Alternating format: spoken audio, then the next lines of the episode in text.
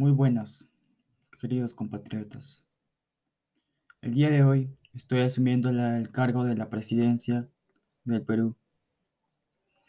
Como ustedes saben, han pasado ya 19 años desde el bicentenario del Perú, en la cual se tenían bastantes expectativas respecto a todos los ámbitos del Perú, entre ellas la corrupción. Y es en lo que me voy a enfocar el día de hoy. En los últimos 19 años, la corrupción se ha disminuido notablemente. Sin embargo, aún está muy presente en todas las instituciones públicas del Estado. Por ello, hoy en día, la corrupción es sin duda uno de los fenómenos sociales que causa mayor indignación entre las personas. Es muy común encender la televisión y sintonizar los noticieros para encontrarnos con actos de corrupción, ya sea de funcionarios públicos, de agentes privados o de la población en general.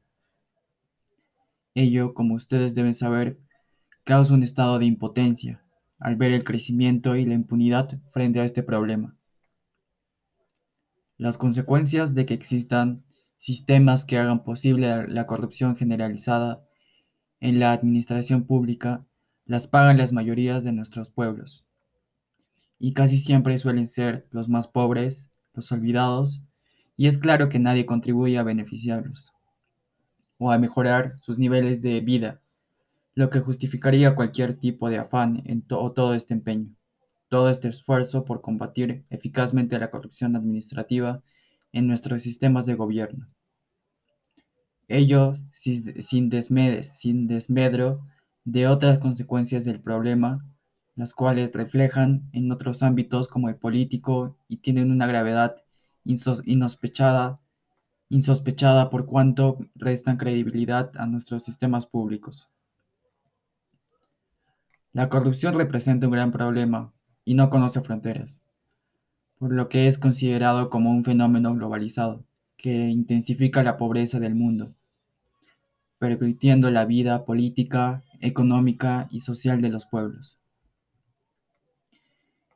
Y a esto debo decir que la corrupción en el Perú siempre ha estado presente desde el virreinato hasta la actualidad, y siempre lo estará, según yo. Es decir, no podemos eliminar la corrupción, pero lo que sí podemos hacer es fortalecer las instituciones, denunciar los hechos que involucren personas corruptas. Por otro lado, existe una regla, no hay corrupto sin corruptor. Importante también trabajar en el tema de la educación, en todos los niveles. La sociedad debe entender que no podemos cerrar la vista. Debemos estar atentos a la corrupción, a ese cáncer que se impregna en nuestras instituciones. Dar ejemplo.